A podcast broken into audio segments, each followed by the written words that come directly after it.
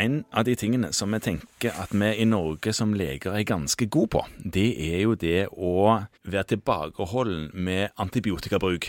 Ja. Og det er jo en eh, policy som har kjørt en del år nå, som begynner å smitte over òg på, på publikum. For jeg føler at eh, det kravet nærmest Smitte over. ja, det smitter, smitter over, ja.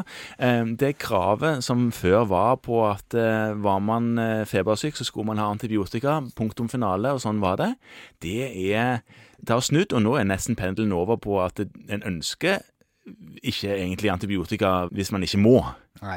så, så har du liksom øyerinfeksjoner, du har halsinfeksjoner, du har urinveisinfeksjoner. Noen skal ha, noen trenger ikke å ha, og noen skal ha i spesielle tilfeller. Ikke sant. Og konjunktivitter. Men bleffaritt Ja. kunne vi snakket bitte grann om. fordi at eh, tilfeldigvis så eh, hørte jeg en satt i et møte med forskjellige helsepersonell fra forskjellige land. hvor Det er ble- jo alltid spennende. ja, og da ble det veldig stor diskrepans på hvordan man skulle behandle denne øyelokksbetennelsen. Ja. Altså denne blefaritten, da. Ja. Og hvordan er dette i Norge? Skal man, skal man ha, eller skal man ikke ha antibiotika? Antibiotika, Ja. hvis du spør om det. Nei, eh, nja. Det er litt sånn åpent. Altså, ved akutte infeksjoner, Ja. så er jo spørsmålet hva er en akutt infeksjon? I motsetning til det om en kronisk tilstand. For det, en blefaritt beskriver en slags inflammasjonstilstand i øyelokksranden. Ja. Eh, og den kan være kronisk, eh, og så kan den bli akutt. Mm. Hvis den er kronisk, så er det ofte noe som assosieres til seboresk eksem eller den typen tilstander. Mm. Og da skal man i hvert fall ikke gi antibiotika.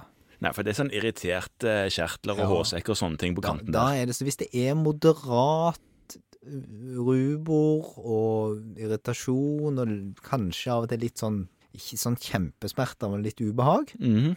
så er det på en måte konservativ behandling med vask med varme omslag og sånn spesialdesinfiserende servietter. Mhm. som funker best. Ja. Hvis man, ifølge norske anbefalinger da, hvis man får en skikkelig akutt infeksjon, og da skal man hovne mye opp, og skal være rødt og vondt og varmt og hjernepuss, så kan man behandle med antibiotika. Og det som står på legehåndboka for eksempel, det anbefaler termysin polymyxin B Ja. som behandling av det. Eh, Men da må man være sikker på det. Da kan man smøre det på til symptomfrihet. ja. Mm. Eh, og det er man jo ganske enige om i Skandinavia. Ja. Mm. Virker det som. Så når man, dansken og svensken gikk inn i en plass og fant en blefaritt, og alle gjorde det samme. Ja. Men så kom han fra Nederland. Ja, de er jo blitt ekstremt restriktive, så de anbefalte nesten uansett eh, kun konservativ behandling ja. i inntil fire uker. ja. Men Det er så lenge, altså. altså å jeg tenker gå at, med rødt og vo- litt sånn små ubehagelig vondt øyelokk Ja. Mm. i fire uker, er, ja, det er lenge. Onde tunger vil jo ha det til at de syns det går helt fint, fordi pasienten har lært at det ikke hjelper for, så de kommer ikke. Nei, sant? Men det er altså det. Hvis du reiser lenger sør i verden, så var det nok kanskje inntrykket at de ga antibiotika uansett hvordan ståa var. Ja, for eksempel i Portugal. Ja, altså det, der er det lettere å få ut antibiotikaen. Ja, og det virker som om det er en annen eh, holdning i befolkningen nå til at dette her er vidundermedisin. Ja, ikke sant. Sånn at det som er viktig her, er at vi må nå for det første forholde oss til de retningslinjene vi har. Og det som kanskje er viktig å huske på, er at man klarer å tenke seg om om dette er noe som er en akutt forverring, eller om det er noe som har kommet gradvis over tid. For hvis du har en skikkelig infeksjon, så utvikler den seg sjelden i et så på en måte løst vev som øyelokket i løpet av flere dager. Det vil blåse seg ganske fort opp. Ja. Blefaritter er jo sånt som vi kan håndtere sjøl, i de fleste tilfeller. Det Ja. er veldig sjelden du trenger å henvise de. Eh, Men det, hvis du på en måte får en av differensialdiagnosene, sånn som et chalasilion eller et svært hordeolum som ikke lar seg kupere, så må vi nesten be om hjelp fra øyelegene. Ja, for det, det skraper jo de ut, disse tingene her, Ja. noen ganger. Eh, Noen ganger særlig hvis de er litt grann plagsomme. Og så litt tilbake igjen til de kroniske.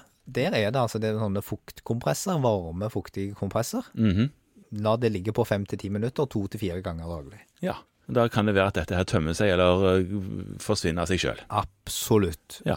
Hadde du gidda det, Morten? Jeg Å hadde jo stå ikke 40 minutter om dagen med en sånn varm kompress på øynene? Nei, sant. Jeg hadde jo ikke det. Jeg, nei, sant. Det er jo ikke snakk om at jeg hadde hatt gidda til det. Jeg måtte Jeg hadde Eh. Du har kjøpt ter termosin, du. Nei, jeg hadde vel eh, tørka og håpet at det gikk over. Og så håpet at de var halvt nederlandske, i det minste, sånn at jeg klarte å drøye den litt før jeg eventuelt tok og begynte med antibiotikaen. Ja, Alternativt så får du gjøre sånn som noen kanskje gjør noen ganger, det er å selge det inn som nærmest sparebehandling. Ja, men sant, spa og sånn jeg, det, det er ikke- liksom ikke helt min skål, det der.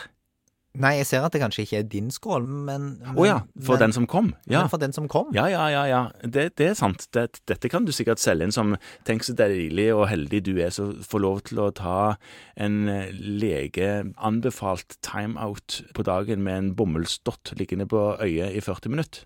Iallfall Ja. kanskje ganger to. Nei, noe ikke sånt. 40 minutter, men 10 minutter ganger 4, da. Ja, OK. Sant? Det det kan jo kanskje være noe som noen eh, vil synes er behagelig. Jeg tenker at hvis du selger det på riktig måte, så er det fullt gjennomførbart. OK, jeg skal jobbe med det.